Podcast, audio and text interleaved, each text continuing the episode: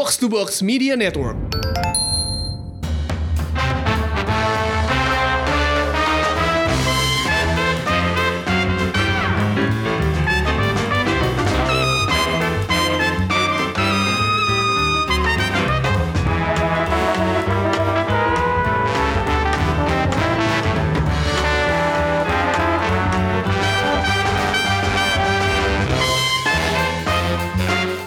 Halo, selamat datang di Showbox Podcast. Ada gue Lisa dan bintang gue Leo. Kok ngomongin bintang? gue Angga, bintang gue Virgo. Gue Amy dan gue juga Virgo. Nah, Wah, itu maksud Virgo. gue enggak. Itu maksud gue. Wah. Gue dikelilingi Virgo lagi. Udah kayak wawancara sama Mas Raffi sama Mbak iya. Mbak Raya, Mbak Raya Makarim.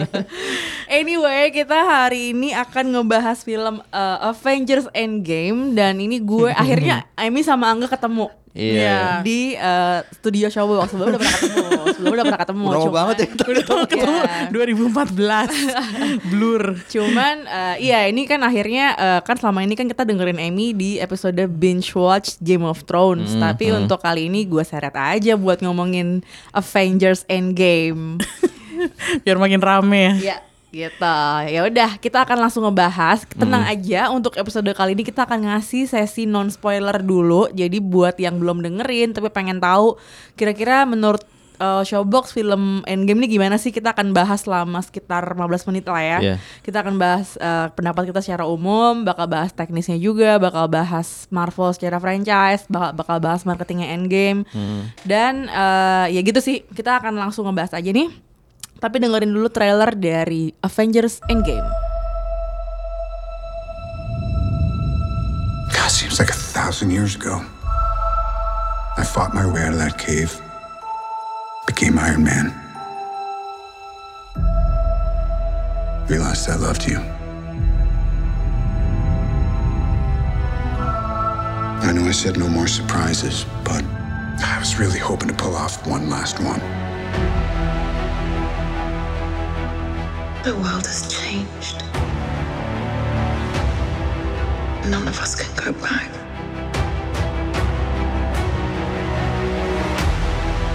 All we can do is our best. And sometimes the best that we can do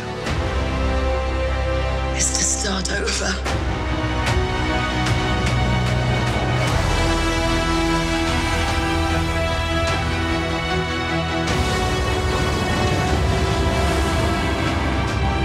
I saw all these people die.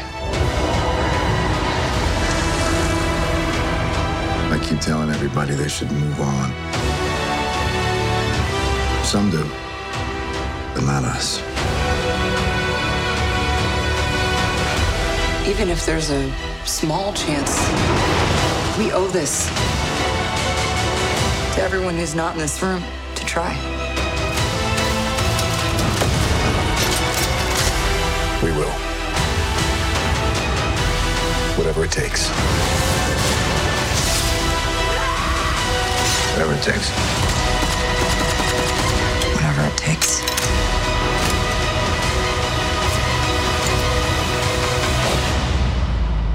Whatever it takes.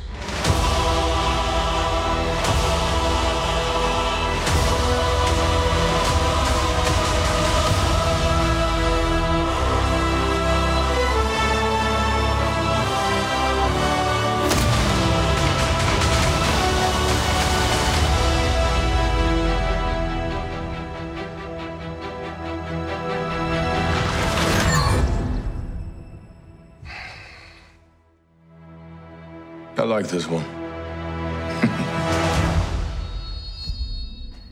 Itu dia tadi trailer dari film Avengers Endgame yang Yep. baru aja kita tonton pagi ini ya. Sama nih, sama nih semuanya nontonnya pagi-pagi nih. Paling pagi siapa ya paling pagi? Ayo paling Pagi gue lah. Lu jam berapa? Jam 4 ya. Lis Nggak, gue nonton sebenarnya gue udah beli tiket jam 8 pagi untuk nonton di CGV karena rencananya adalah oh gue mau nonton habis itu gue mau langsung ngantor gitu kan.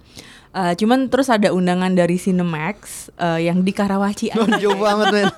jam 5 pagi gitu. Terus gue ya udah kan gue eh, membawa kamera eh, bawa campers juga kan. Jadi akhirnya eh, gue ke sana buat ngeliat ngeliat dan ngobrol-ngobrol sama orang-orang. Eh, ntar laporannya kita jadi asumsi cie. Plak dulu. Eh, abis itu ya gue balik ke Pacific Place. Akhirnya gue tetap nonton di Pacific Place jam 8 dan kelar jam berapa ya? Sebelasan ya, jam sebelasan. tiga. Dan itulah ketika kalian mulai nonton. Ya. Rame sih jam 8 Rame ya? Itu kayak sekitar 3 per 4 bioskop Uh, keisi. Tapi Gua- kan yang gila itu adalah film-film yang tayang jam 5 dan jam 6 tuh justru yang paling banyak penontonnya Yang sold out sold out itu. Itu kenapa ya? Karena orang-orang yang masuk kantornya ada yang jam-jam 9 kan. Jadi Oh, biar mungkin nonton. biar nggak bolos Jadi ke jam 5 jam 6 jam segitu udah kelar kan. Jadi masih bisa lah nih masuk-masuk gitu. Jadi gitu makanya tapi gue tadi aja gue nyampe sana bioskop jam 5 tuh kayak gila ya jam segini banget nih ke bioskop kayak aduh Untuk pertama kali dalam hidup ya. Langsung ambil ah, jam ah. 5 pagi. Dikasih tiket kan sama Cinemax tuh Kasih campers gue ini nih lo nonton Kesian gue ya? Gitu Jadi eh, gimana nih Eh, Kalian udah nonton eh, eh, Avengers Endgame Eh, Kalau gue sih mewek yang jelas Padahal bukan Yes. Virgo ya. Kenapa? Padahal bukan Virgo ya. Bukan Tapi tetap aja Virgo Rising Ngerti gak lo nggak? Nggak ngerti kan lo? gue nanya Emi dulu deh Emi menurut lo gimana nih Avengers Endgame? Avengers Endgame film yang ditunggu-tunggu. Gue udah lama banget nunggu film ini. Dari luarnya mungkin kelihatan gue cool-cool aja kayak nggak kayak nggak ini nggak tertarik screening nggak dateng gitu kan. Tapi sebenarnya dalam hati kayak "Eh, apa yang gonna, what's gonna happen gitu. Jadi selama nonton gue udah persiapan mental. Jadi gue nggak bisa tidur nih semalam. Terus dengan bodohnya gue membuka Twitter Iya. dan kebetulan ada salah satu temen Twitter yang tweetnya cukup entertaining. Iya. Nggak spoiler sih. Nggak spoiler Tapi membaca Twitter dia gue jadi kayak lebih penasaran lagi dan gue jadi lebih gue tahu nih kayak gue harus buat tisu. Jadi mau nggak mau gue ke sana harus buat tisu atau anduk anduk Oke. kecil lah gitu. Dan untung itu gue bawa sih karena Oke, tadi gue kepake ya baru juga adegan pertama langsung udah Kepake. Hah, ini maskara gue. udah lupakan Salah. lupakan lah Salah. makeup ya. jangan pa- jangan pakai makeup kalau nonton film ini. Salah kalau nonton Avengers pakai maskara Harusnya jangan dulu Dan apa ya kesan-pesan yang lain lagi tuh filmnya panjang Ya. tiga jam. Ini udah sempat diomongin kan, apakah ada bakal break bisa break ke toilet kah? Kayak Bollywood iya, nggak ada intermission by the way. Jadi ya persiapkan diri aja, jangan minum banyak-banyak. Kalau mau minum bawa minum ke dalam ya diminumnya jangan langsung glek langsung habis gitu. Emang karena kita pun di dalam nggak ada keinginan sama sekali buat keluar sih. Ya Kalau gue nonton terpaku pada layar Betul. karena itu rame banget adegannya, scene-nya tuh selalu ada sesuatu di frame yang lo Iya. bisa lihat dan mungkin kalau nonton pertama kali belum nangkep semuanya, jadi Benar, mungkin benar. bakal harus nonton dua atau tiga kali buat Benar. nangkep semuanya karena karakternya banyak banget dan interaksi antar karakter pun juga macem-macem gitu, dynamicsnya tuh beragam banget dan nggak mungkin lo dalam sekali nonton tuh bisa dapat semuanya. Jadi inilah cara Marvel ya untuk dapetin duit, dia membuat orang pengen balik lagi untuk nonton yang kedua dan ketiga kalinya Ya. gitu. Betul Jadi ya siap-siap aja ya. Ya ya Gimana enggak kalau lo enggak? enggak mukanya udah lemas Gue kurang tidur juga. For your information mukanya enggak udah aduh. Bukan karena males ya Tapi karena emosional nih kayaknya Ini nih masih pada baper semuanya nih soalnya. Asli Aduh. Baru banget nonton soalnya Gua sama juga sih kayak Amy eh, apa namanya tidur baru jam satu setengah dua gitu terus jam 5 udah bangun ya udah nonton jadi kurang tidur juga tapi yang memang sih film ini eh, emosional banget ya Mm-mm. dari awal kita dikasih adegan-adegan yang udah cukup personal gitu efeknya eh gue mempersiapkan diri juga sih sama kayak Amy juga. Tidak minum terlalu banyak karena katanya banyak adeg eh, adegan-adegannya tidak mem- membuat kita je- punya jeda untuk keluar dari bioskop gitu kan. dan memang kebiasaan juga sih gue jarang jarang bawa makanan atau minuman ke dalam bioskop jadi emang aman-aman aja. Gila beda banget sama gue. Kenal loh kalau Gue nonton jam 8 pagi bingung. Hah gak ada yang buka ya. Ya? restoran Masa gue makan sarapan popcorn? Ya gue eh gue bukan sebenarnya gue bukan penonton film bukan penggemar film superhero banget gitu ya. Ya gue penonton film uh, M- MCU gitu dari dari jam dari Iron Man tahun 2008 ngikutin semua gitu. Ada beberapa yang gue nontonnya di iFlix dan di Hook waktu itu. Kayak Captain America dan Thor yang pertama gue nontonnya di OTT waktu itu. Terus tapi seiring jalannya waktu emang makin lama makin kita karena ngikutin dari awal gitu ya makin lama makin uh, tertanam lah gitu rasa sayang terhadap para karakter ya gitu kan sama kayak ngikutin serial sebenarnya Iya iya iya. Ini formatnya serial banget sih MCU Iya. ya. Iya, Eh, eh, tunggu tunggu gosip-gosip. Angga mulai nonton Game of Thrones. itu kenapa gua gua, gua kurang tidur jadi gua udah udah satu setengah season nonton Game of Thrones Ternyata Coba ya nggak, gue kasih deadline. Pokoknya nanti episode terakhir dari Harus sudah selesai ya? 8, lo harus nge-review bareng kita berdua. Iya, betul. gue punya utang berapa sih Ya, bodoh, pokoknya lo kejar. tapi itu emang Derita lo, aduh, derita itu lo. emang ini banget sih uh, adiktif banget Yaudah, terus Ya, ya, lanjut jadi ke kayak Avengers gitu. Endgame yang kayak serial gaya penceritaannya. Uh, jadinya terus? membuat kita sayang sih sama karakternya Hmm, dan betul. mm, dan ketika kemarin kita nonton Marvel, Captain Marvel terus juga sebelumnya ada Infinity War uh, di Hmm. ending Infinity War kita tahu semua hampir setengah dari para superhero ini meninggal gitu ya. eh menghilang lah meninggal bisa disebut juga Hmm. jadi kita pengen tahu juga apa yang terjadi setelahnya gitu dan terbayar rasa Iya. penasaran kita terbayar Iya. dan ternyata filmnya sangat-sangat emosional gitu ya. Eh, menurut gue sih ini roller coaster emosional roller coaster banget ya dari awal sampai akhir gitu dan eh, si Anthony Angelo Russo ini menurut gue lebih juga banyak eh, in, apa namanya fokus di eh, pengembangan karakter dan perjalanan karakternya ketimbang menciptakan spektakel-spektakel yang yang luar biasa gitu dan itulah Eh. kenapa filmnya jadi tiga jam. tiga jam Hmm. dan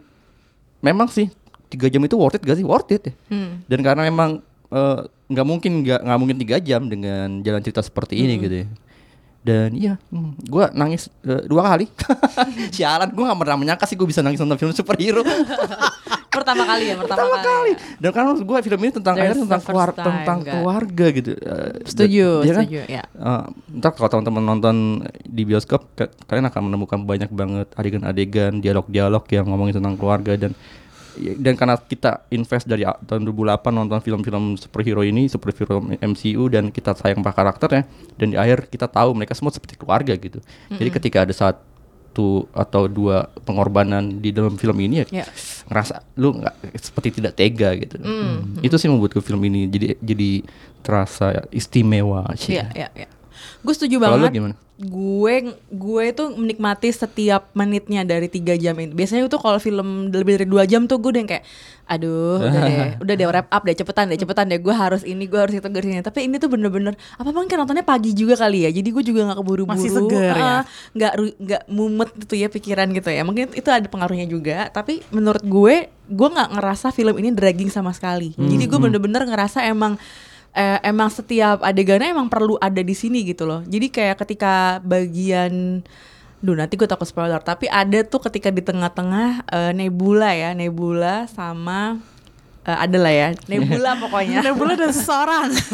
Nebula dan seseorang gitu ya Dan itu itu gue ngerasa itu udah mulai kerasa wah ini lama nih filmnya nih. Masih nyampe sini nih kita nih belum nyampe belum belum ada apa belum ada hilalnya nih endingnya mau kayak gimana gitu kan. Hilal. tapi gue ngerasa tetap gue tetap kayak oke oke gue akan ngikutin dan gue nggak sama sekali nggak ngerasa ini dragging gitu. Jadi bener-bener menurut gue ini pas ini adalah perayaan dari Marvel Cinematic Universe sebagai sebuah franchise. Uh, emang eh, j- lo jadi nggak lo kalau gue akan jadi inget film-film terdahulu yang gue suka banget gitu Eh, termasuk kalau misalnya kalau kalau gue ya film Marvel favorit gue itu Ant-Man Hmm. Ant-Man sama yang pertama Ant-Man pertama Ant-Man yang pertama, yang pertama. Karena gue sangat terkesan dengan small scope-nya itu. Oh, dengan emang scope-nya tiba-tiba kecil, terus kayak nggak tahu gue kayak ngerasa itu pas aja gitu kayak di antara semua film yang sangat besar-besar dan megah dan uh, kesannya tuh gagah gitu ya. Ant-Man tuh yang lucu, yang ketawa-ketawa gitu dan maksudnya gue juga suka peran-peran orang-orang di sekitarnya gitu Iya. loh. Itu tuh menurut gue charm dari Marvel Cinematic Universe gitu dan ini yang uh, emang jadi keunggulannya MCU banget ya untuk untuk ngeramu film-film superhero mereka gitu dan gue juga suka kan film Captain America Civil War yang udah kayak Avenger sebenarnya Iya.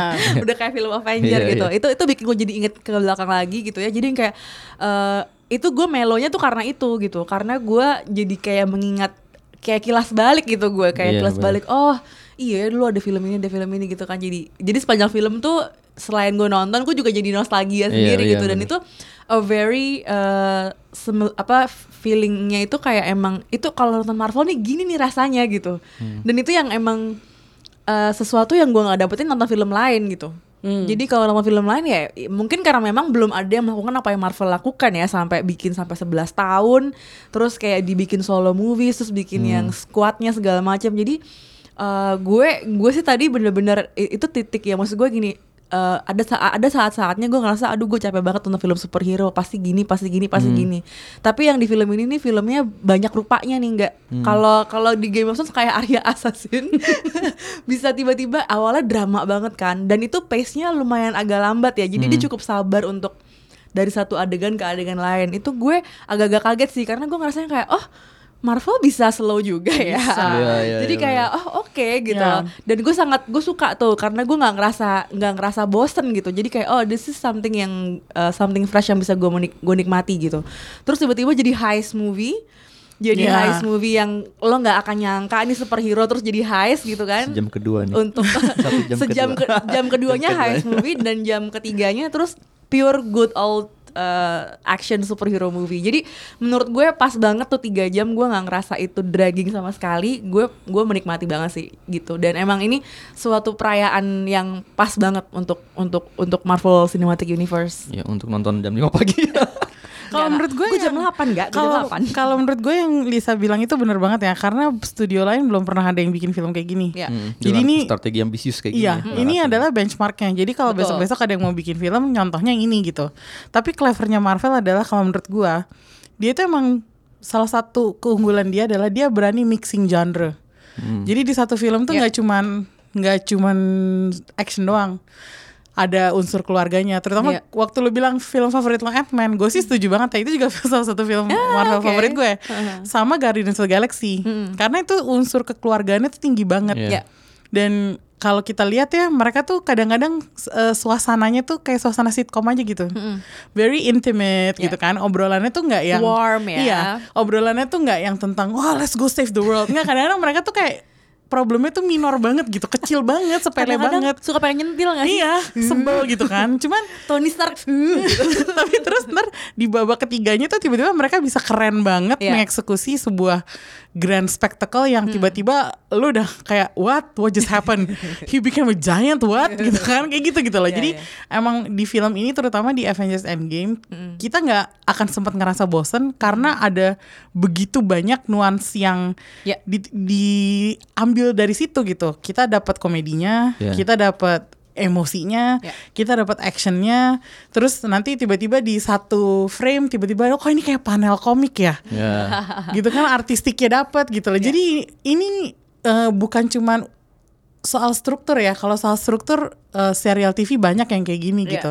Dan Cuma- bahkan kadang-kadang TV itu lebih inventif Iya, dalam soal struktur iya, ya, lebih uh-uh. luas mereka karena mereka durasinya panjang. Ya, sementara kalau ini kan kita cuman paling dapat satu satu tahun cuman dapat tiga film gitu Iya. ya. Cuman hebatnya Marvel adalah mereka tuh berani banget twisting something yang udah apa ya eh, menjadi pakemnya dia.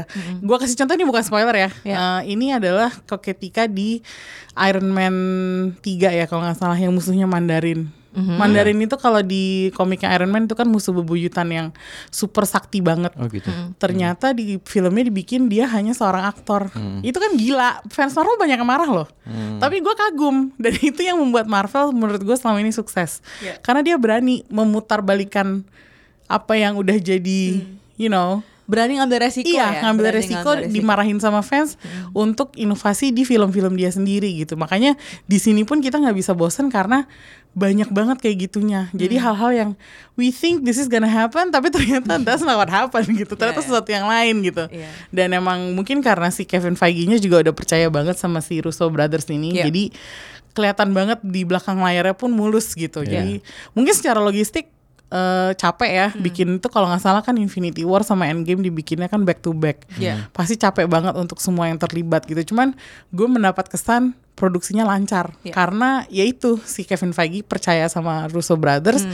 Russo Brothers dikasih kepercayaan juga ternyata nggak mengecewakan Betul. gitu loh Itu sebenarnya sinergi yang mungkin eh potensi resikonya gede Iya. karena yang kita tahu banyak banget saudara-saudara muda yang ditarik sama yes eh, studio-studio besar dan ternyata gagal gitu. Iya. Kayak kita bisa tahu ada Colin Trevorrow nggak apa pokoknya ada yang Kathleen Kennedy lah ya, yang geng Ah. gengnya Disney, bukan yang Yeah. bukan yang Marvelnya ya, gengnya Disney gitu. Banyak yang film-film yang tadinya mau dipimpin oleh sutradara muda berbakat terus jadi gagal. Akhirnya baliknya Star Wars yang ke-9 JJ Abrams Iya. lagi gitu. Itu kasus-kasus yang emang ya ya itulah eh, ego lo nih sebagai filmmaker dengan ketik ketemu ketemu produser ketemu studio gede ya ya gitu sih memang gitu. Jadi tapi si Russo Brothers ini selain mereka berhasil mengeksekusi sebuah eh, film yang gede banget nih ya masif banget eh, skalanya gitu ya dan dipotong jadi dua dan dua-duanya tuh masif gitu Iya. masif. Eh, jadi menurut gue ini sukses kesuksesan yang sangat perlu dirayakan sih. Emang ini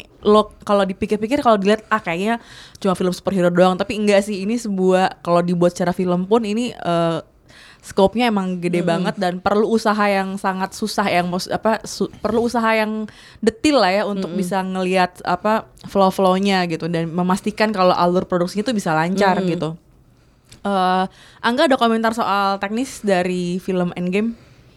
Gua memperhatikan di film Endgame ini warna dan pencahayaannya Hmm. cenderung agak lebih eh, sedikit lebih gelap dibanding film-film Marvel MCU sebelumnya kayak eh, Avengers yang pertama, eh, Avengers Age of Ultron, eh, Winter Soldier, sama apa lagi ya? Kalau perhatian di beberapa adegan banyak banget adegan-adegan di film ini yang warnanya emang cenderung cenderung suram gitu. Tapi gua, awalnya gue merasa "Hmm, ini mata gue yang salah atau bioskop yang salah tapi eh, setelah gue pikir-pikir ini kayaknya memang diciptakan untuk mendukung suasana emosi dari Moody, jalan moody. ceritanya. Betul, memang. Ini kan- moody banget ini kan ya. Kisah yang devastating banget ya. Yang te- setelah Thanos membina- membinasakan setengah populasi Iya. dunia gitu, pasti semua kekacauan terjadi dan eh, semua pasti murung, semua pasti sedih gitu kan. Apalagi yang Virgo. jadi jadi eh, mood warnanya emang pas banget. Em, ini film yang ada optimisnya, tapi juga sebenarnya dari strategi visualnya eh, dibikin lu harus merasakan murungnya juga, sedihnya juga gitu. Itu menarik sih menurut gua ini sebuah ha, ha- kayak cara cara Russo yang berbeda di, dibandingin film-film duo bersaudara ini sebelumnya Iya. gitu. Uh, Terus juga pergerakan kameranya kalau gue perhatiin lebih dinamis. Uh, Ada satu adegan yang sebenarnya bukan adegan bukan adegan fighting, bukan adegan action. Mereka lagi berdebat dalam satu ruangan. Ya. kamera muter. Cus, gitu. Eh, muter. Dan itu menarik banget sih untuk menangkap adegan menang- menangkap interaksi di antara para superhero ini gitu para karakternya gitu. Itu sih menurut gue cakep lah Emi, segi teknis kalau mau singkat aja nih marketingnya Endgame gimana nih menurut lo?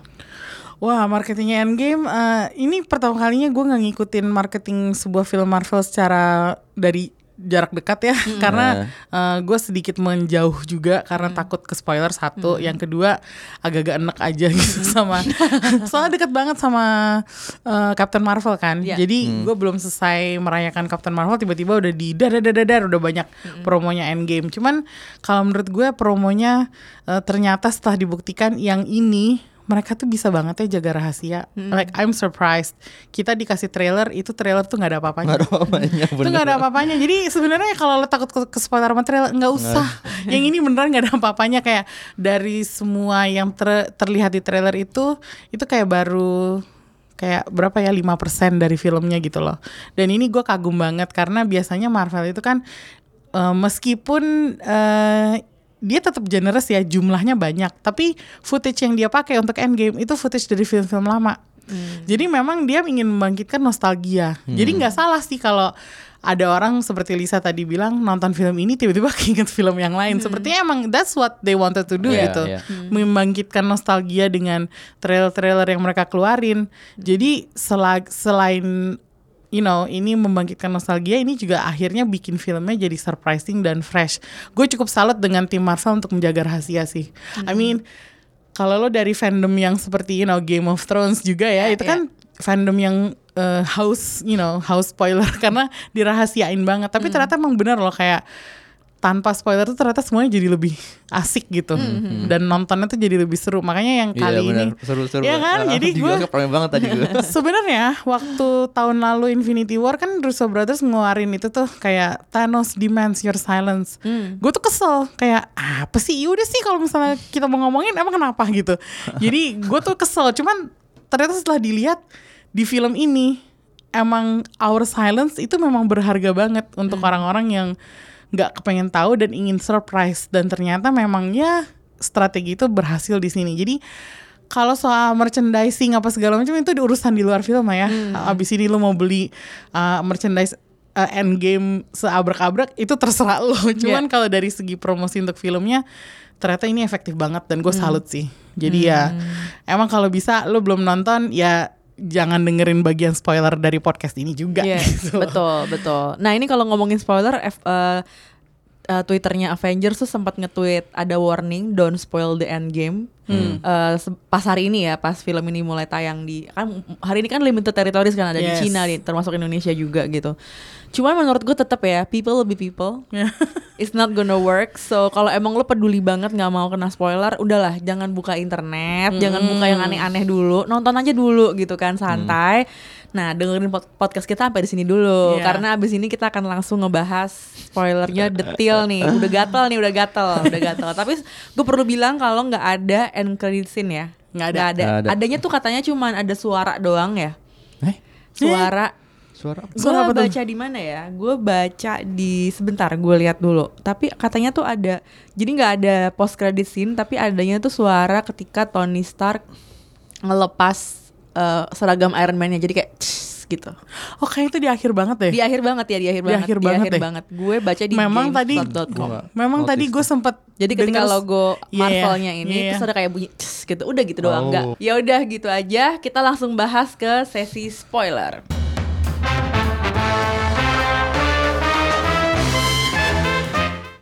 Nah, ayo sekarang kita bahas sesi spoilers. Jadi please banget yang belum nonton Mar- Avengers Endgame, pause dulu, pause dulu. Ntar habis nonton baru balik lagi nih ke episode ini nih gitu ya. Karena kita bakal bahas detail-detail banget karena ini memang setiap adegannya menarik banget buat dibahas ya. Gimana Yes, menurutnya kan? Jadi, nah mulai ya, mulai sekarang ya. Nah, Emi, gue mau nanya sama lo tentang ini nih, logistik nih ngumpulin semua aktor Marvel nih kayak gimana? Coba lu bayangin Edan gak itu ya. Itu gak ada yang CGI kan? Di- Gak ada yang hologram, gak ada yang hologram. Semuanya beneran ada. Semua dateng, wah, gila ya.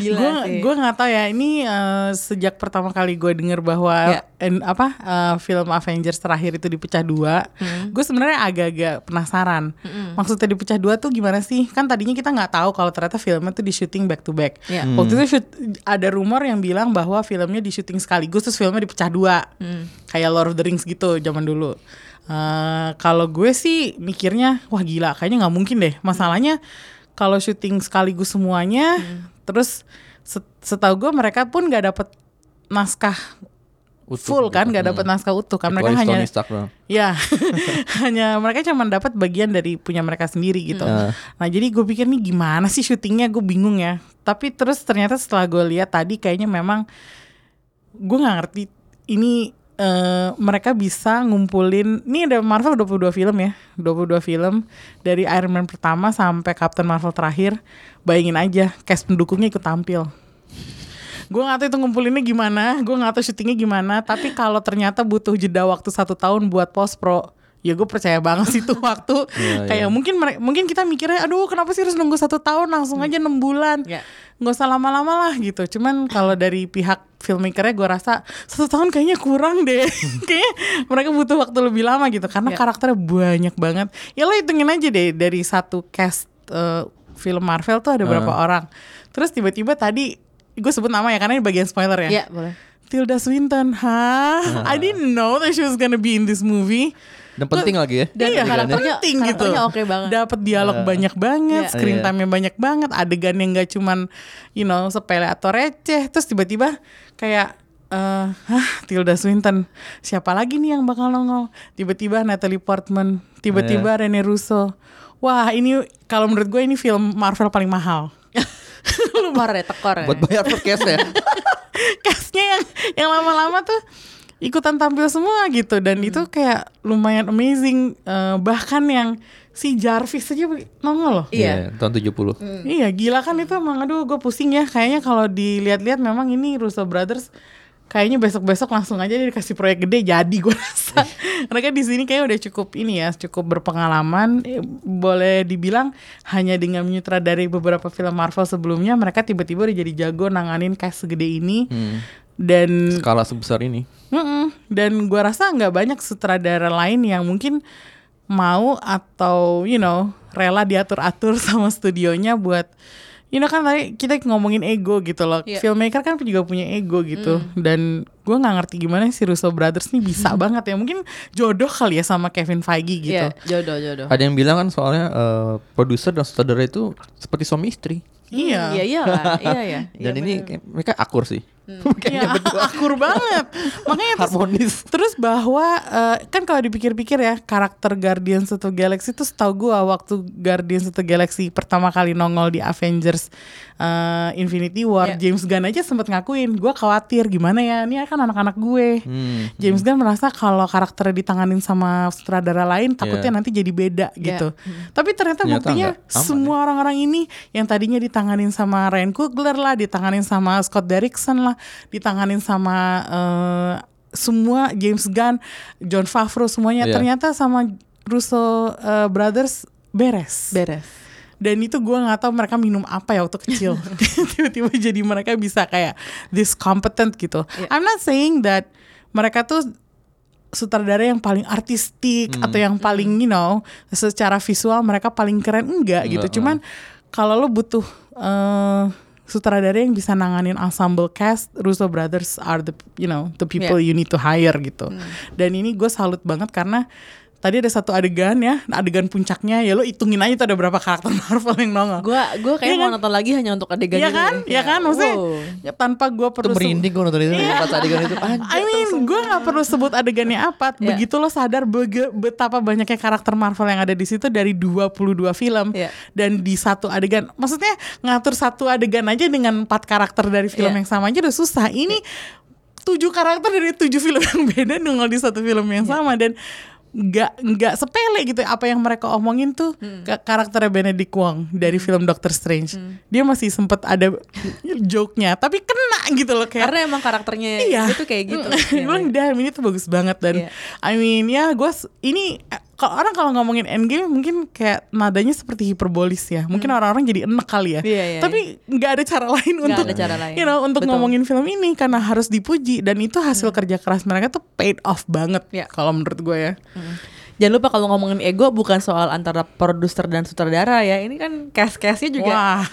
A-list semua gitu gara-gara jadi mahal. Pasti kan juga itu egonya gue nggak kebayang sih. Mungkin lo kebayang ya pasti kan mereka punya satu orang trailer satu dong. Nggak mungkin dong ada yang sharing ya nggak. Kalau sharing mungkin sirik-sirikan apa gimana? Gue nggak ngerti deh. itu lucunya kemarin di acaranya Ellen DeGeneres si Brie Larson sama Scarlett Johansson jadi tamu kan terus ditunjukin nih eh gue denger di trailer apa di tempat kalian tuh rame banget dikasih lihat gitu. Eh tiba-tiba si Scarlett Johansson langsung nyeletuk oh enggak kok itu bagiannya Robert doang kurang ajar.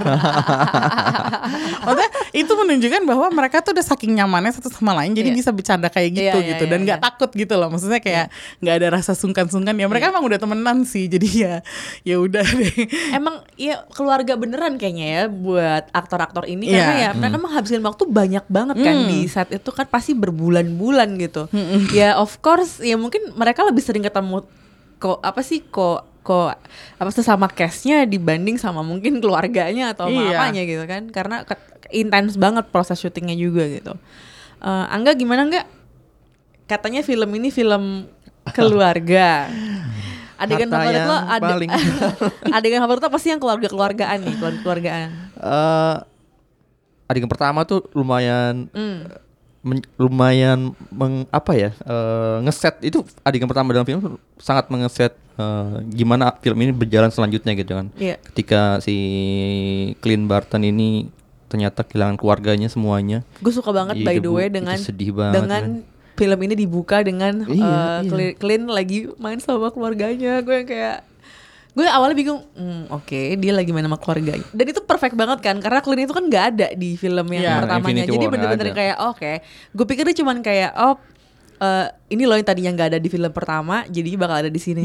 Cuman momennya pas banget ketika itu semua jadi debu ya kan, jadi Iya. kayak oh gitu. Itu seperti mid creditsnya Ant-Man gak sih? Iya. Iya. Iya, di tengah dan itu lagi di atom gitu kan, kelar hidup lo. Terus Iya, terus si jam pertama dalam film ini ya dibuka Iya. dengan si adegan kehilangan keluarga si Flynn, Flynn keluar, eh Clint keluar, kehilangan keluarganya Hmm. lalu kita ngeliat Tony eh, udah nyaris putus asa di atas di galaksi entah di mana sampai akhirnya diselamatkan sama si eh, Carol ya Captain Marvel. Lalu kita juga ngelihat eh, gimana para sisa eh, para Avengers yang tersisa ini juga berusaha untuk eh, memecahkan masalah mereka. Dan yang paling menarik salah satunya gue gue kayak nggak pernah lihat dalam film-film Avengers sebelumnya si Nat Natasha tuh nangis. Oh my god. Dan Yes. dia ketika eh, tahu gimana Clint Barton itu eh, hidup kehidupannya pasca Thanos eh, men- menghilangkan semuanya itu dia kan dia matanya berkaca-kaca tuh. Gue langsung anjir. Ini tanda-tanda sih memang tanda-tanda. Jangan-jangan ini eh, Natasha akan hilang di film ini gitu. Ternyata bener gitu. Aduh sedih banget. Dan itu salah satu adegan paling sedih dalam film ini yang membuat gue lumayan eh, berkaca-kaca ketika di mana di Formir ternyata si Natasha Kalau Angga berkaca-kaca, aku sudah banjir. Tisunya udah hilang.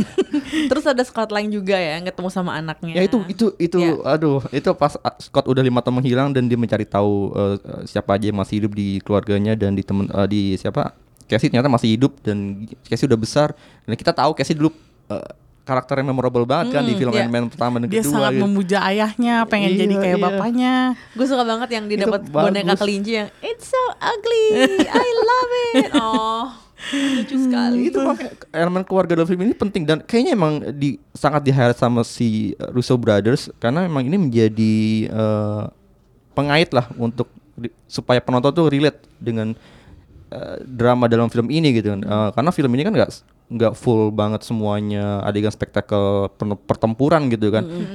Pertempuran di akhir doang itu pun final dan memang sangat menohok banget gitu sangat sangat sangat, sangat uh, pay off banget gitu.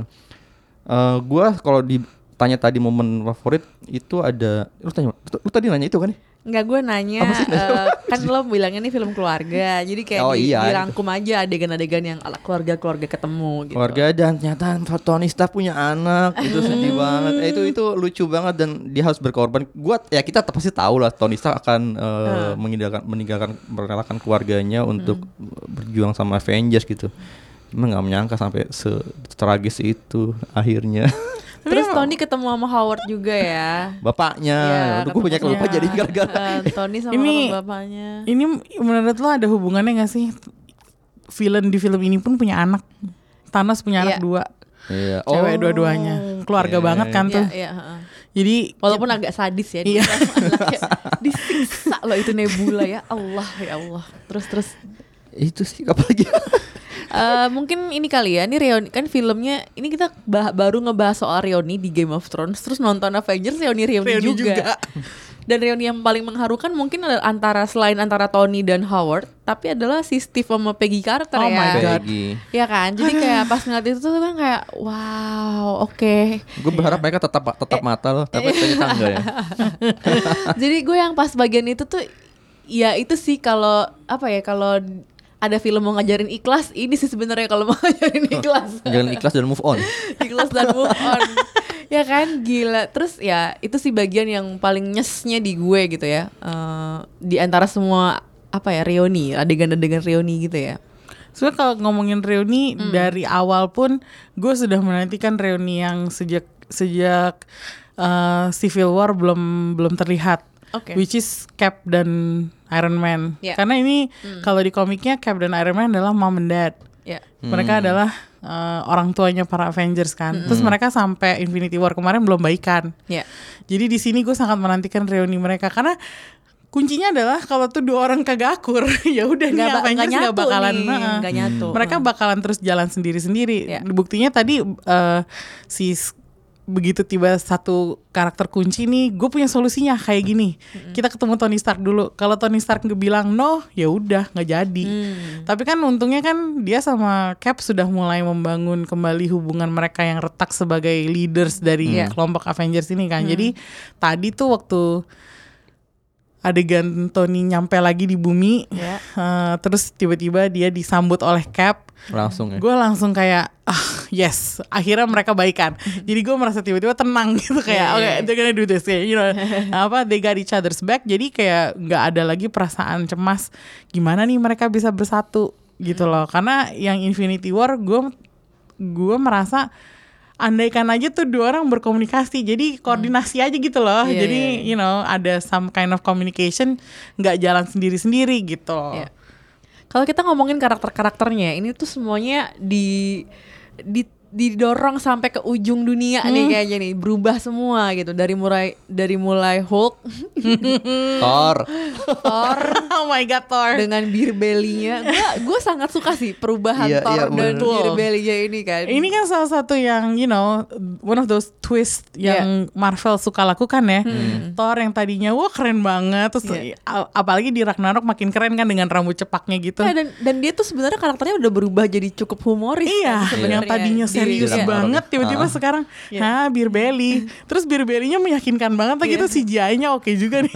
Makanya jadi gue kayak wow, Marvel tuh kalau ternyata bisa juga ya mengembangkan karakter yang secara natural gitu. Jadi kayak nggak nggak terasa dipaksakan. I don't know, I just feel like perubahannya Thor paling paling oke. Kalau gue cukup uh, shock dengan Hulk yang tiba-tiba pakai kacamata, pakai baju. Terus yang yang gue suka banget yang adegan makan bareng Hulk, uh, Scott Lang. Minta foto, uh, ada yang minta foto. Yang ada yang minta foto. Ada padahal di situ ada Captain America. Iya. ada Black Widow juga gitu. Cuma tetap fotonya sama Hulk. Stay green. Oh my god, gue yang kayak itu bagian-bagian kecil yang menurut gue ya nggak tau gue suka banget aja sih film. Hmm. Bagian-bagian yang ringan-ringan dulu lah gitu. Ini kan film bakal sedih ya dan gue tahu ini bakal bakal Nah itu dia gonna happen. karakternya makanya Iya. di film ini sangat memprioritas, me- lebih memprioritaskan karakter-karakter ya ketimbang spektakelnya gitu Iya. kan. Itu bagian yang tadi si eh, Hulk makan bareng di restoran dan ternyata Hulk seperti udah jadi Bruce Banner jadi Iya. jadi Hulk gitu. Gue langsung inget karakter Beast di X-Men. Oh, Yes, yes, yes. Iya, iya, iya. ya itu iya. sebenarnya mereka bersatu gitu saat dua dua dua wujud yang berbeda jadi satu gitu. Iya. Karakter karakter lain yang juga ya ini ini mungkin memang karena eh, highlightnya emang an- di Tony Stark dan Steve Rogers ya. Cuman kalau Steve Rogers gue tetap melihat ya, ya dia eh, ya udah gitu. Dia ya kalau menurut gue eh, ini tuh yang ditekan banget, yang di dap- dapat pressure gede banget memang Tony Stark ya di di film ini ya. Dan dan ke titik ketika dia nggak gue nggak mau ngapa-ngapain pokoknya gue mau sama keluarga gue this is my second chance. There's there's no way I'm gonna apa throw a dice or something like he said Yeah. throw a dice Bahkan dia gitu. sebelum balik ke masa lalu kan dibilang jangan berubah yang lima tahun terakhir ini, jangan Iya, diubah ha, gitu. Dia dan- menekankan itu ya. And it's absolutely important buat dia untuk buat dia. balik lagi ke keluarganya gitu Heeh. karena emang itu kan dia dia inget banget sama si Pepper Potts yang Yeah. kayak selalu mewanti-wanti apa segala macam. Sebenarnya itu agak selfish ya karena teman-temannya nggak ada yang hidupnya sebagus dia. Yo, dan nggak ada yang dia juga. Iya nggak ada dia juga bener. Nggak tahu maksudnya. uh, I think he has earned the right to be selfish.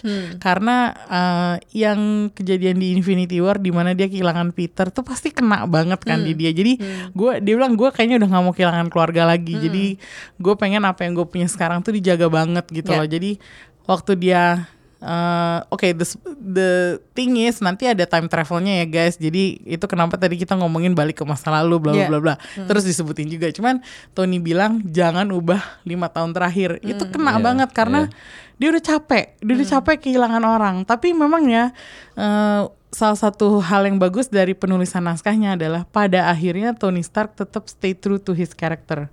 Dia orang yang he's a self-sacrificing Ya. person. Jadi pada akhirnya dia menyadari, ya gue harus berkorban karena kalau gue nggak berkorban, Kelar. kelar dan keluarga gue pun nggak akan bisa bahagia gitu. Jadi Iya dia sangat sekuat tenaga menjaga keutuhan keluarganya. Tapi pada akhirnya ya itulah kenapa gue suka banget sama karakternya Tony Stark di MCU Itu adalah karena ya emang orangnya dia egois yes. Dia self centered yes. Tapi pada akhirnya he always sacrifices for the greater good gitu loh. Makanya ya bagian itu you can imagine nangis gue. Udah makin bertambah-tambah gitu loh. Kalau ngomongin karakter juga, eh, menurut kalian Captain Marvel gimana? Buat gue dia terlihat a bit disconnected. Karena dia sibuk dengan kegiatannya di, Di ribuan planet Iya. lain gitu kan. kurang nyambung ya. Gue agak ngerasa Brie Larson ini kayak nggak tau ya chemistry-nya kurang ada aja gitu dengan anggota mungkin karena memang screen time-nya ada tapi dia screen time-nya screen time berantem bukan screen time berinteraksi dengan Avengers lain yang kita selama ini dapetin dari sejumlah film Avengers gitu kan. Jadi gue tadi ngeliat Brie Larson tuh agak-agak ini kayak bukan anak baru ya cuman ya baru filmnya baru baru nongol cuma maksud gue eh, nggak kerasa aja warmnya, nggak kerasa apa ya chemistry-nya sih. Ya gue setuju Menurut sih. lo gimana? Gue setuju sih. Ya mungkin karena karena, eh, karena emang dia dis, eh, karakternya ada didesain un, eh, untuk bukan ya kan kita lihat di film ini akhirnya Hmm. dia harus eh, ngelihat galaksi lain gimana, gimana apa jadi di sana dan itu membuat jadi eh, re- relasi dia dengan para karakter di Avengers jadi Iya. kurang gitu kan. Hmm. Cuma memang ada satu menurut gue sih eh, benar kata lo Lisa eh, tadi ada yang disconnected banget si Carol Danvers ini cuman pas adegan peperangan Akbar terakhir itu Hmm. gue menantikan mana nih Carol Danvers nggak keluar keluar nggak keluar, keluar. akhirnya keluar juga gitu kan dan gue lumayan sedikit nggak lumayan sedikit kecewa ternyata nggak nggak sekuat dia kuat bisa melawan Thanos bahkan dipukul, dipukul pun dia bergeming gitu ya Mhm. cuma ternyata nggak nggak sekuat yang gue yang gue ekspektasikan gitu kan Eh, ternyata dia masih bisa juga eh, terjebab terjerembab ya Iya ya. tidak sekuat itu juga gitu kan Mhm. gitu Gitu. gue ya harusnya mungkin harus dikembangkan lagi sih karakter si Carol Danvers ini gitu Gue punya teori. Gimana Emi? teori gue, ini karena film terakhirnya 6 yang asli ya, Iya. which is mm, Robert Downey Jr., Scarlett Johansson, Chris Evans, Chris Hemsworth, Hmm. eh siapa lagi sih Mark Ruffalo sama Jeremy Renner kayaknya emang screen time-nya banyak kan dikasih ke 6 ini Hmm. karena ini udah kontrak terakhir mereka kan besok-besok kita udah nggak Iya, bakal ngeliat ngeliatin mereka bener. lagi Iya. film berikutnya juga nggak ada diumumin juga gitu kan jadi kayaknya nih sepertinya emang udah deh yang- Tribute. ya ini yang enam orang ini kita jadiin fokusnya aja. Emang sih ada kayak Scott Lang terus ada apa namanya ada si Don Cheadle ya sebagai si War Machine. Cuman emang porsinya nggak sebanyak yang enam ini. Kayaknya itu sengaja. Dan gue punya kecurigaan kalaupun nanti MCU punya rencana berikutnya nih kan ini basically end of an era ya Iya. tapi kita masih masa tiga ya ya tak empat apa tiga ya Tiga tiga tiga. masih tiga, tiga, ya Tiga. pokoknya intinya kalau nanti ini lanjut misalnya ada Avengers baru gue rasa yang mimpin bakalan Captain Marvel Oh ya. Ya gak sih hopefully Title-nya udah kapten. dia ini the captain gitu Iya, iya, iya. I mean with all due respect to uh, karakter Captain America baru yang tadi diumumkan di akhir film kayaknya tipe-tipe leadershipnya nih bakalan diambil sama si Captain Marvel jadi Hmm. Iya. gua rasa mungkin itu kali nggak alasannya kenapa dia akhirnya Hmm. belum terlalu dijor-jorin gitu ya nggak sih bisa bisa bisa bisa bisa. Ini soalnya uh, udahlah beralasan skripnya dikit dulu aja mahal. ya ya. mahal soalnya ini pemenang Oscar, pemenang Oscar. yang lainnya soalnya cameo cameonya udah banyak banget eh, ini kan ada time travelnya ya. Gue mau nanya nih. Gue mau nanya ini terkait dengan rencana Disney Plus untuk bikin kalau eh, di untuk bikin series Loki. Ini, ini Loki mati apa enggak sih sebenarnya? Jadi, jadi gini, ini karena ini udah udah spoiler gue kasih tahu aja ya. Jadi itu ada adegan Loki eh, jadi ada adegan Tony Stark mau ngambil Tesseract Tesseract yang ini, ini balik ke masa lalu nih ya. Loki mau ditahan sama Thor, mau dibalikin lagi ke Odin. Dan ternyata ketika lagi proses berantem dengan manusia di bumi karena harusnya Loki mau disidang di Amerika, eh, sementara si Lo, si Thor maunya di- dia disidang di Asgard, terus terja- masuklah nih Tony Stark dari masa lalu nih dari 9 tahun ke depan untuk untuk nyuri Tesseractnya itu karena dia butuh buat ngalahin Thanos gitu. Nah terus ya biasalah kan Marvel ya konyol. Terus terus ada kesalahan kecil yang tiba-tiba itu Tesseractnya keluar dari tas dan muncul di depan Loki dan Loki-nya langsung kayak lihat kanan lihat kiri. Ngambil Tesseractnya terus dia kabur. Kabur. Tuh gue yang kayak oh inilah mungkin kenapa itu show-nya mau dibuat ya sama Disney Plus gitu. Kayak gue jadi bertanya-tanya. Walaupun udah di disiapkan di akhir film sih ada di, di- dijelasin itu kayak jalur waktu yang eh, berbeda waktu yang berbeda itu sudah dihancurkan oleh Thanos ya. Cuma menurut kalian di, apakah untuk sekali lagi dia nggak mati gitu, walaupun dia nggak kena jentik gitu ya? Se- atau dia eh, atau dia pendapat pribadi gue tentang Loki adalah Marvel itu villain terhebat Marvel itu adalah Loki. hmm, bukan Jadi- Thanos. Hmm, mungkin iya Thanos, tapi yang lebih dicintai adalah Loki. Karena yang main adalah Tom Hiddleston.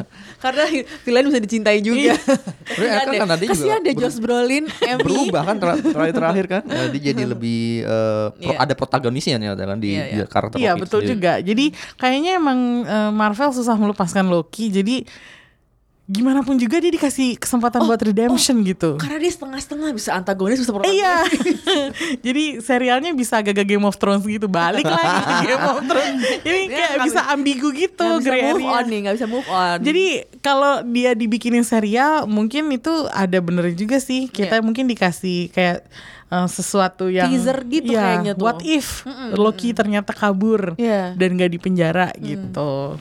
Mungkin ketika dia kabur itu kan lama tuh ya jedanya ya. Dia bisa menemukan cara-cara lain untuk I don't know gitu kan. Dan karakternya licik banget, jadi Iya, dia jelas. harusnya dia bisa ini, Iya. bisa kabur-kabur Betul, gitu, betul, betul, memanipulasi keadaan. banyak peluang cerita yang diciptakan baru sih di dalam Iya. film ini gitu kan Eh, dan itu menarik banget Eh gue punya tadi kan beberapa kali dibilang sama Amy juga sama Lisa juga gimana penulisan skenario di film ini bagus memang bagus ya gue akuin banget kan kalau kita perhatikan hampir semua ya hampir kebanyakan film-film Hollywood itu skenario sangat formulaik ya. Hmm. Eh, tiga babak udah pasti. Eh, terus juga bisa dibilang eight sequence ada 8 sequence dan itu kelihatan titik-titiknya. Tapi film ini walaupun dia menerapkan bisa dibilang menerapkan eight, eh, 8 sequence ini tetap bisa kita bisa terbuai gitu. Eh, Iya. tidak tak wah kita tahu nih film ini sangat formulaik gitu kerasa gitu Eh, harus di si jam eh, jadi pas udah babak ketiga kita tahu pasti nggak segampang itu eh, mereka bisa menang gitu Cuma tetap kita bisa terbuai dengan ceritanya dan emos secara emosional kita juga bisa masuk ke dalam ceritanya. Itu yang membuat gua ber- berpikir film ini memang sangat oke dalam penulisan skenario nya dan eh, sangat susah sebenarnya memasukkan banyak karakter dalam film ini eh, dan solid semuanya gitu kan. Eh, Gimana caranya sih eh, ada satu adegan lucu tapi penting banget gue dari awal mikir gimana caranya si Ant-Man ini bisa balik ke dunia nyata. Ternyata gara-gara tikus. Sesimpel itu. Sesimpel itu, sesimpel itu tapi ya masuk akal, masuk akal masuk akal aja Iya, gitu kan. iya. Dan itu menarik banget sih. Dan ternyata itu bukan nggak perlu hal yang besar Nggak perlu untuk, hal yang besar. untuk Iya. Balik ke dunia ini. Iya. Cukup dengan tikus yang lagi iseng gerayak-gerayak gitu kan. Oke. itu sah-sah aja gitu. Kita langsung bahas aja nih. Ini ini ma- masalah endgame. Ini endgame siapa? Dari awal tuh kita udah bertanya-tanya kan, bertanya-tanya dan ternyata eh, karena ada sesi spoiler dan again kita langsung ungkap aja Endgame ada tiga siapa? karakter yang selesai di Sedih men. di Secara definitif ya. secara definitif selesai eh, adalah Black Widow yang pertama ketika lagi berantem sama Hawkeye Hicks, Hicks. rebutan Eh, mau mati rebutan dulu. mau mati duluan untuk untuk mengambil Soul Stone. Eh, Sedih tuh. terus ada Iron Man yang harus rebutan sarung tangan sama Thanos dan akhirnya dia duluan yang menjentikan dan sebagai manusia biasa bukan Hulk dia nggak kuat untuk untuk apa Iya. ngadepin radiasinya enam batu Infinity itu. Dan yang terakhir ini nggak mati sih. Cuman dia memutuskan dia akan hidup sendiri dia hidup menua dan Iya, habis itu ya udah dia ini aja Tinggal gitu. waktu itu sih. Captain America gitu. Jadi emang ini jagoan apa ya? Pentolan-pentolannya Avengers selama 10 tahun terakhir dan terutama Tony Stark karena memang ini semua dimulai dari Iron Man di tahun 2008 gitu. Ketika oh ternyata film superhero bisa sekece ini gitu kan. Setelah Chris Nolan bikin Batman yang gelap, dark dan serius dan megah dan segala macam ternyata bisa ada yang tampilannya kayak Iron Iya, Man iya. gitu. Eh, menurut kalian gimana nih pembagian orang-orang yang mati ini? Apakah eh, ini Emmy kayak udah mau nangis? Jangan nangis dulu, Emmy. Tenang, tenang. Gue tahu lo mau ngomongin Black Widow. Silakan, gue berikan waktu dan tempat. Enggak, gue gak mau nangis kok. udah berkaca-kaca. Enggak deh. Gue mengingat saat gue menangis sih.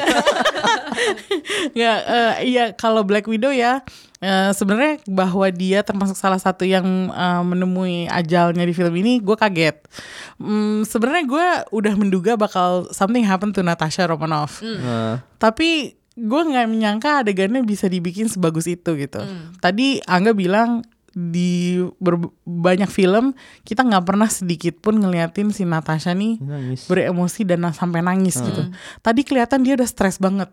Itu benar-benar dia kayaknya udah di ujung tanduk banget. Iya, dia tuh udah iya. benar-benar at the end of her rope gitu. Kayak bentar lagi kalau kayaknya dia udah agak sedikit menyerah gitu ya. Iya, Kayak iya. udah agak males hidup gitu.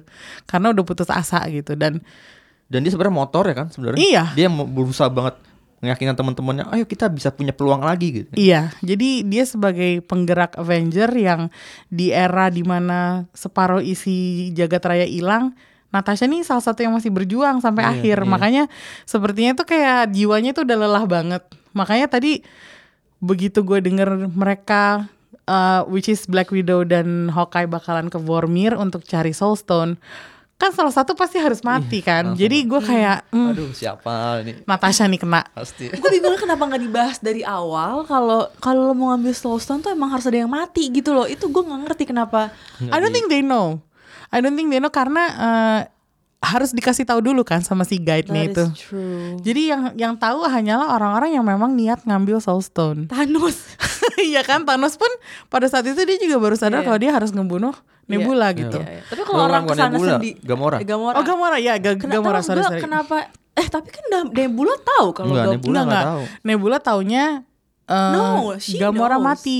Tapi Gamora dia nggak mati tahu harus karena- mengorbankan itu kan sebenarnya. Enggak dia tahu Gamora mati di di Vormir kan ketika Thanos ngambil Soul Stone Tapi dia nggak tahu kalau itu Alas- harus pengorbanan, gitu loh, pengorbanan. Liz. Kayaknya dia taunya cuman ya udah Gamoranya mati Gamoranya aja mati gitu. di formir. ah oke Jadi gue nggak tahu kenapa pas adegan itu, wah, oh, Natasha's gonna get it, you know. gue juga gue juga ngerasa nih this pasti- is the pasti, end gitu ya, loh. this is- Dan sebenarnya gue sangat menyayangkan ya, kenapa harus Natasha karena eh, terlepas dari Brie Larson sekarang jadi Captain Marvel, terus you know Lupita Nyong'o keren banget di Black Panther. The first eh, Marvel superhero yang cewek itu kan Black Widow yang pertama kali nongol. Haruskah dia beneran diabisin gitu? Ya mungkin secara kontrak Scarlett Johansson juga pengen move on ya. Cuman gue kayak menyayangkan aja karena satu cewek ya kan. Yang kedua ini dia original loh. Tapi Ya. kalau pikir-pikir ya sekarang emang kontraknya udah pada habis-habis. Jadi mungkin emang ini udah giliran dia giliran dia aja untuk you know have a glorious death. Dan ternyata adegannya emang glorious banget. Yang dia sama Clint Barton tuh ya berlomba-lomba gitu loh kayak gue aja yang mati, gue aja yang Dan mati mereka gitu. sahabat karib banget Iya, kan. mereka kan karib banget. Waktu mereka terbang ke sananya masih sempat cengengesan. We're so far away from Budapest. masih nyebut-nyebut Budapest gitu kan. Nggak taunya terakhirnya berakhir dengan tragis kayak gitu gitu dan apa namanya? eh, jadinya tuh gue kayak ngerasa Iya kalau emang lo mau melepas seseorang yang sekelas Black, Black Widow ya gi- give her a proper send off. Dan ini adalah adegan yang bagus sih buat dia. Dan gue sedihnya adalah karena "Huh, another one bites the dust gitu loh. Kayak gue nggak pengen ada orang lain yang hilang gitu. Yeah. buktinya Gamora aja tadi dibalikin kan. Yeah. sekarang kan Black Widow udah nggak bisa dibalikin lagi gitu. Jadi ya sedih Gue juga mau nanya sih. nih ke kalian berdua. Antara Iron Man mati dan Captain America jadi tua, kalau dibalik gimana? Kalau ternyata yang mati duluan itu Steve Rogers dan ternyata yang yang hidup sampai tua itu Tony Stark. Menurut gue nggak jadi nggak jadi menarik sih. Kenapa? Karena pertama Steve kita ngomongin soal logika umur gitu ya. Yuk. Eh, Steve Rogers kan emang udah tua. Jadi dan dia da- kita udah dikasih tahu dari film-film sebelumnya eh, dia punya memang punya impian terpendam untuk bisa bersama lagi dengan Peggy kan sebenarnya. Dan dia punya kesempatan itu gitu.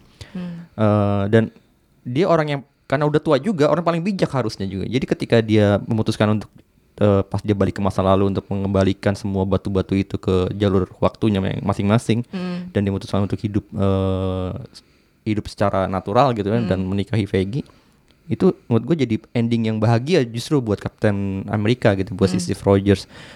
Dan menurut gue ketika uh, uh, Tony Stark dibi- di, dibikin meninggal dalam film ini itu justru menjadi uh, payoff yang bagus buat karakter uh, uh, Iron Man karena dia memang sebesar itu dan dia punya tadi seperti dia bilang uh, si Amy bilang kan dia self self centric banget gitu dan dia punya ego besar juga buat menyelamatkan semuanya gitu dan dia melakukan itu dan kita jadi pay tribute sama dia kan dan itu dibayar ketika di adegan akhir semua datang dalam pemakaman dia dipakai baju hitam dan itu sedih banget men sedih banget kan itu diingetin lagi ya enggak gue jadi sedih lagi nih itu jadi penting untuk jadi efek ya. drama efek drama kayak gitu. Oke. Pas Gua- sih Gue masih berpikir kalau Captain America yang mati tuh lebih tragis gitu. Oh iya ya? Jadi pasti gue lebih berkeping-keping. sebenarnya kalau dibalik gitu ya eh, itu bisa juga sih Eh, kalaupun itu yang terjadi mungkin gua nggak menolak juga ya. Tapi balik lagi pinternya Marvel they know their characters. Seperti yang Angga bilang, Captain America tuh secara karakter dia pengen banget, dia tuh nyesel banget nggak bisa dansa sama si Peggy. Jadi kayaknya gimana pun caranya dia akan Dan dansa. Iya. Dan go akan back dika- and dikasih dance. momennya ya, Iya, go back and dance with Peggy Carter. Alright. Dan itu kayaknya itu in karakter banget Iya. bahwa dia terus kemudian memilih untuk jadi tua hanya karena dia pengen dance sama Peggy doang. Itu Iya. in karakter banget. Oke. Dan sebenarnya Tony Stark juga kan dia udah men- mendapatkan impiannya juga menikah dengan Iya. Pos dan punya anak kan. Iya.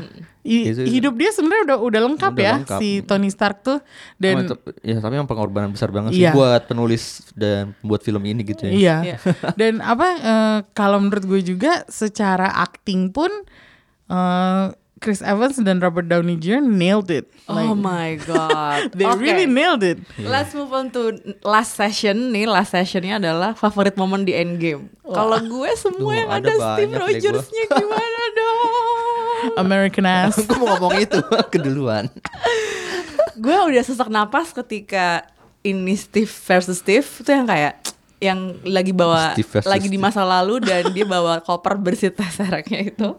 Terus yang kayak oh god. Terus kayak siapa nih yang dia temuin? Ternyata dirinya sendiri gitu kan. Dan berantem gerasa gerusu gerasa gerusu terus yang Steve Steve Rogers yang di masa lalunya bilang I can do this all day. Terus dia kayak yeah, I know itu lucu. Itu kayak bener-bener gue kayak oh my god oke give me more of this please. Kayak kayak gitu.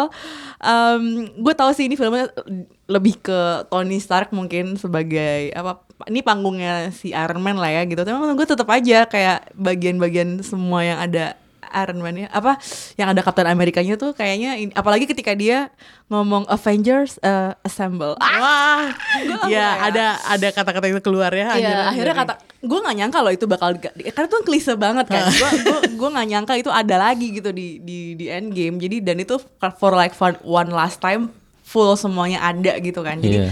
kayak gitu yang kayak ya momen-momen grande sih. Cuma yang kecil-kecil kayak berantem gitu pun gue cukup menikmati. Apalagi ketika dia ngeliat dirinya sendiri pingsan gitu dan ngeliat Uh, Ameris, Amerika Indeed, Mengagumi Chris Evans pantat sendiri ya. Yeah. Indeed, Chris Evans. Oke, gitu. Kalau Emmy Eh, susah banget milih momen favorit ya kayaknya banyak banget. semua kayaknya ya. Semua, semua. Semua Endgame. Eh, tapi eh gue nggak sebut spesifik. Hmm, yang gue suka dari film ini adalah eh, waktu mereka balik ke masa lalu. Cara cara Oh, Russo iya. Brothers merekonstruksi beberapa Hmm. adegan dari film-film yang lain. Rapih ya. Iya rapi banget Dan maksud gue gini loh Kita udah pernah lihat adegan itu Tapi kan adegan itu kan cuman in one moment ya Iya, Ini iya. dikasih pilihan lain nih The other Ah. moment dari adegan itu gitu Jadi dari sudut pandang yang lain Dan rapi Udah gitu eh, secara secara cameo itu adalah momen di mana kita bisa ngelihat aktor-aktor yang lama yang udah keli- nggak kelihatan selama berapa film akhirnya bisa balik lagi dan ini adalah cara baru untuk nampilin karakter lama dengan you know fresh aja gitu. Siapa sih yang bakalan nyangka kalau kita bakalan ngeliat si Natalie Portman di film ini? Gue Iya, sih nggak nggak nyangka, nyangka, bener, gua nggak juga nyangka kan. Jadi surprise surprise yang kecil-kecil ini Kecil-kecil nih gitu yang ya? bikin gue eh, kayak tadi tuh kayak Tilda sih. gitu. Iya Tilda Swinton Tilda salah sih, satunya. my Dan ini satu momen favorit yang apa belum disebutin nih kayaknya. Tapi eh, kalau gue sebut pasti tahu deh yang yang dimaksud estafet estafet. Oh, ininya Thanos. estafet. dari karakter satu ke karakter lain Keren banget dikawal sih. sama yang lain-lain. Wah itu keren banget. Suka banget ketika Kerja Spider-Man nebeng tim. unicorn. Apa, nebeng unicornnya Tessa Iya. Thompson. Itu tuh Tessa Thompson kenapa? Eh, oke mungkin next phase mungkin dia akan lebih banyak dapat porsi screen time. Jadi ya itu I adeg- hope I hope. adegan-adegan yang sebenarnya kalau dilihat ya cuman ya kecil-kecil doang mungkin nggak terlalu penting tapi ya itulah semangat Marvelism yang penuh penuh eh, semangat Marvel tuh gue suka di adegan-adegan kayak gitu. Gimana, gue kalau gue ada dua sih. Pertama ketika Tony ketemu lagi dengan eh, Peter. oh langsung dipeluk kan. God. Karena Iya, kan iya, sebenarnya iya, Pi- iya. eh, Tony memutuskan untuk mem- eh, membantu lagi Avengers, balik ke Avengers kan setelah dia habis cuci piring Iya. dan ngelihat Lihat Ngeliat foto mereka kan, ya. foto dengan si Peter dan akhirnya ketemu lagi di pertarungan terakhir dan dipeluk itu penting banget tuh adegan dan itu lumayan Ya. lumayan membuat e- emosi jadi bergejolak ya. dan itu dan itu ketemunya pas banget si siapa Peter Parker tuh kayak lah lah lah lah lah lah lah Iya, ngomong ngomong ngomong ngomong dia tuh cuma ngeliatin doang terus dipeluk gitu kayak kayak for a Tony Stark to do that it Iya, means iya. a lot gitu kan it means so much gitu kalau dia bisa ngelihat Peter Parker Gitu, cerewet lagi cerewet lagi. padahal kan tadinya like it like he annoys him so much gitu kayak "Ah, anak-anak kecil yang ngomong eh diem lo diem gitu kan tapi ini tuh yang kayak ya Eh, sama satu lagi nih. Eh, ternyata Kapten Amerika bisa ngangkat palunya Thor. I knew it, I it. Wah itu gila itu. Dan itu sebenarnya dia udah di planting dari uh, Ultron. Of Film apa? Ultron. Ultron, Orang- iya. Yang pas Iya. mereka mau apa apa Iya. lomba ah, bukan lombok siapa yang bisa narik Iya. angkat itu kan pas adegan si eh, pas shot ketika si Steve Rogers. Rogers mau ngangkat itu Iya. kan mukanya si Thor udah takut gitu kan ya, jangan bisa jangan bisa ternyata bener-bener bisa gitu itu itu Ya, keren oh sih God, iya, adegannya itu keren. Yeah. sih. It says a lot about uh, Captain America emang dia he's that noble Yeah, gitu. in he's- in this universe tuh dia Uh. senoble itu jadi bisa ngangkat uh, palunya Thor. Gila gitu. itu satu bioskop pada teriak lu. Wah. Iya iya iya iya. Iya Itu? Ya di kayak bioskop gue juga iya sih. Pas bagian itu langsung wah. itu itu kejutan kecil yang ke- keren banget sih emang Iya. keren banget. Nah itulah Yes. semangat Marvelism sangat you know very alive in that Iya, scene iya, gitu. iya. Dan komunal ininya juga dapat banget Iya, kan jadinya heeh. pengalaman komunalnya. Ah, Gila nih. Gitu. film. Nonton lagi ya. Nonton lagi pasti. Pasti ya pasti. Guys Oh, ini udah sejam lebih. Biasanya nggak nyampe sejam. Thank you banget udah dengerin Showbox bercuap-cuap soal Endgame. Semoga lo menikmati filmnya, menikmati obrolan kita juga. Eh, kalau punya teori-teori, gue seneng banget nih kita beberapa kali ada salah-salah kecil ya buat nge-review. Yang lain-lain tuh suka ada yang add, eh kak sebenarnya ini gini loh, sebenarnya ini gini loh. Yang kayak ya bagus bagus bagus. Iya. Berarti lo dengerin kita. Berarti lo dengerin kita dan engage sama Dan kita ya. Engage sama kita gitu. Thank you banget udah dengerin. Ini nextnya apa ya? Ini kan gue inget banget bagian eh, Tony bilang kita ini Avengers pembahasan dalam nextnya apa Prevengers gitu. Prevenge. Mungkin nanti Prevengersnya perempuan semua. ya nggak Captain Marvel, terus ada siapa tuh? Valkyrie. Eh, iya Valkyrie, terus banyak kan itu yang dari Wakanda semuanya keluarin. Ada Asgardian of Galaxy. Oh iya. Asgardians of the Betul, Galaxy. betul, betul. Ya udah selamat nonton Endgame lagi. Ya pasti dong. Nggak Iya. mungkin dong cuma sekali nonton Endgame. Ya nggak? Bikin Marvel tambah kaya ya. Yo, nggak apa-apa lah buat apa-apa. buat yang satu ini dikasih lah dikasih gitu. ya wes, thank you banget Amy, thank you banget Angga. Thank you. Thank you semua yang udah Thank you dengerin. yang udah Sama-sama ya. dengerin. Bye bye. Bye.